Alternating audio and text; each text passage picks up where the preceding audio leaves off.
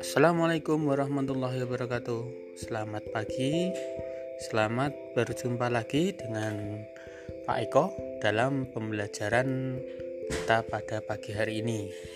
Nah, pada pagi hari ini Pak Eko akan mencoba memberikan pelajaran lewat suara, lewat podcast yang tidak seperti biasanya ya. Seperti biasanya dengan uh, YouTube, video ditaruh di YouTube atau di Google Drive dan coba pagi-pagi hari ini kita akan uh, mencoba membuat dengan audio atau podcast gitu. Baik, pada pagi hari ini kita akan belajar ya, kita melanjutkan pelajaran maupun mereview ya, mereview pelajaran-pelajaran yang telah lalu. Nah,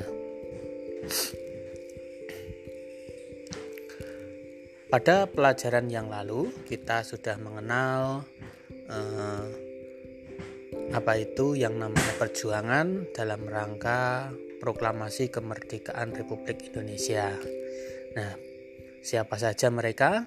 Mari kita mengenal tokoh-tokoh yang berperan di dalam eh, sekitar ya, sekitar peristiwa perjuangan bangsa Indonesia dalam melakukan proklamasi atau pada saat proklamasi kemerdekaan Republik Indonesia tanggal 17 Agustus 1945. Nah, tokoh-tokoh yang berperan antara lain eh, masih ingat semuanya? Ya. Yang pertama ada Bapak Insinyur Soekarno. Ya. Yang kedua ada Bapak Dr. Andes Muhammad Hatta ya jangan keliru ya biasanya kan kita menyebut Soekarno Hatta gitu Soekarno Hatta itu ternyata dua orang ya Bapak Soekarno dan Bapak Muhammad Hatta itu nah mereka tokoh penting di dalam proklamasi dan ada satu lagi yaitu Mr. Ahmad Subarjo. Nah, dari Pak Soekarno, Pak Muhammad Hatta dan Pak Mr. Ahmad Subagio ini mereka bertiga ini yang merancang merancang perannya ya, merancang eh, teks proklamasi yang sering kita dengar yang sudah kita hafalkan bersama dan sudah kamu praktekkan Eh, cara membacanya itu ya. Nah, masih ingat ya? Mereka bertigalah yang berperan di dalam menyusun naskah ya, menyusun naskah berembuk ya. Berembuk itu. Jadi mereka bertiga konsepnya mereka yang buat, yang menulis siapa? Yang menulis adalah Bapak Insinyur Soekarno. Itu yang menulis. Nah, mereka bertiga yang menyusun kemudian ditulis naskahnya ditulis oleh Bapak Insinyur Soekarno. Nah, di manakah naskah itu disusun? Nah, orang keempat yang menjadi tokoh adalah Bapak atau Laksamana Muda Maida itu. Ya, kita nyebutnya Laksamana Maida adalah perwira Jepang yang sangat e, bersimpati terhadap perjuangan bangsa Indonesia. Nah, perannya apa Bapak Laksamana Maida ini? Perannya adalah rumahnya, rumahnya adalah menjadi tempat penyusunan naskah proklamasi. Ini tadi rumahnya adalah sebagai tempat menyusun naskah proklamasi pada tanggal 16 16 Agustus malam. Ya malam. Ya 16 Agustus malam. Bahkan sampai dini hari. Itu nah itu keempat. Yang kelima siapa? Tokoh yang berperan? Ada yang namanya namanya siapa namanya adalah Sayuti Melik. Tokoh kelima kita adalah Sayuti Melik. Sayuti Melik berperan sebagai apa? Iya, Sayuti Melik berperan sebagai pengetik ya, orang yang mengetik naskah proklamasi. Kalau ditulis yang menulis adalah Bapak Soekarno, tulisan tangannya Pak Soekarno. Eh, yang selanjutnya adalah yang mengetik adalah Sayuti Melik. Jadi naskah proklamasi yang saat ini kita lihat baik yang berupa tulisan tangan maupun yang ketikan itu masih tersimpan rapi di e, Monumen Nasional Monas itu ya. Selanjutnya tokoh keenam yang berperan di dalam e, peristiwa sekitar proklamasi adalah Ibu Fatmawati. Kira-kira perannya apa Ibu Fatmawati? Ya, Ibu Fatmawati berperan di dalam berperan di dalam menjahit ya, menjahit bendera pusaka merah putih yang pertama kali kita yang pertama kali dikibarkan pada saat proklamasi kemerdekaan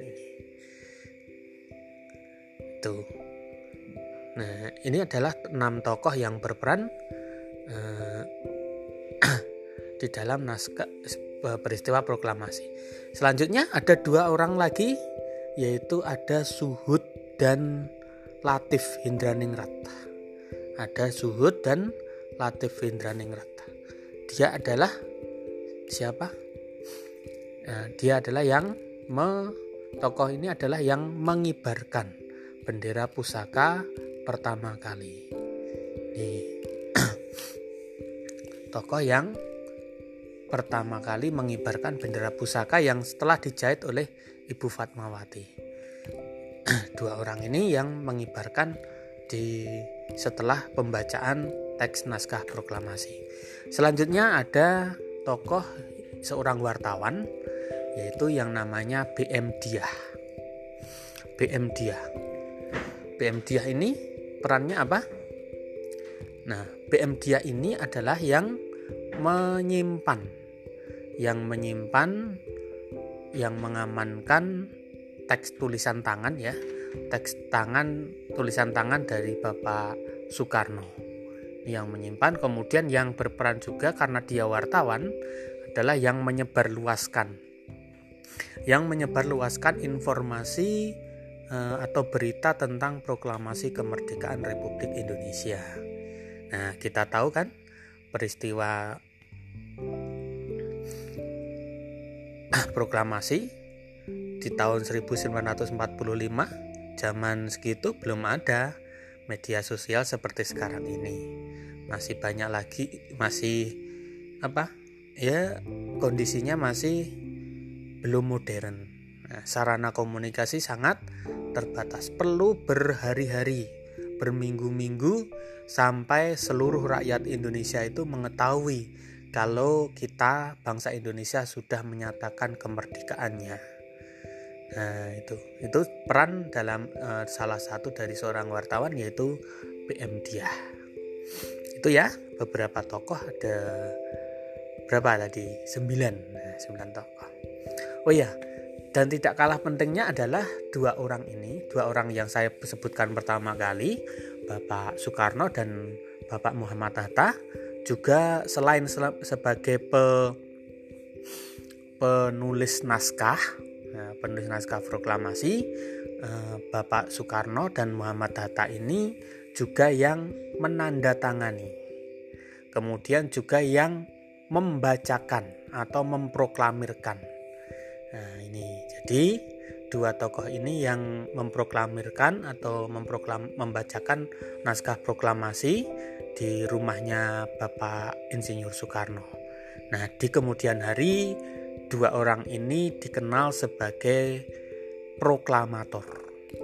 Nah, dan sekarang eh, kita menyebut sebagai pahlawan proklamator. Tidak hanya sekedar pahlawan nasional, tetapi lebih tinggi lagi yaitu pahlawan proklamator. Itu. Ya, baik anak-anak.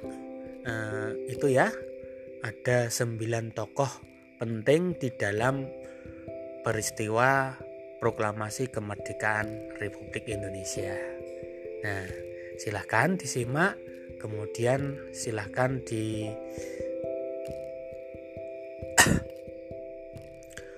dan silahkan untuk mencari ya, mencari informasi tentang ini.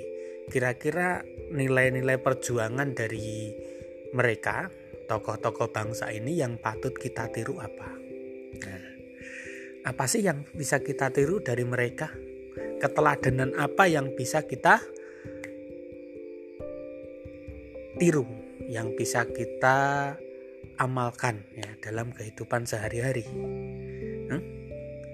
Bisa menyebutkan kira-kira keteladanan apa? Ya antara lain adalah rela berkorban sudah pasti ya. Rela berkorban mempunyai jiwa nasionalisme yang tinggi itu. Kemudian saling bekerja sama itu, bermusyawarah dan sebagainya. Ini adalah keteladanan dari bapak-bapak pendahulu kita, bapak yang perlu perjuangan. Nah, ini yang patut kita tiru. Silahkan kita sebagai pelajar harus bisa meniru, kita harus bisa merefleksikan diri kita. Nah, silahkan. Paling tidak kita berpikir bagaimana memberikan yang terbaik untuk bangsa kita ini gitu ya nah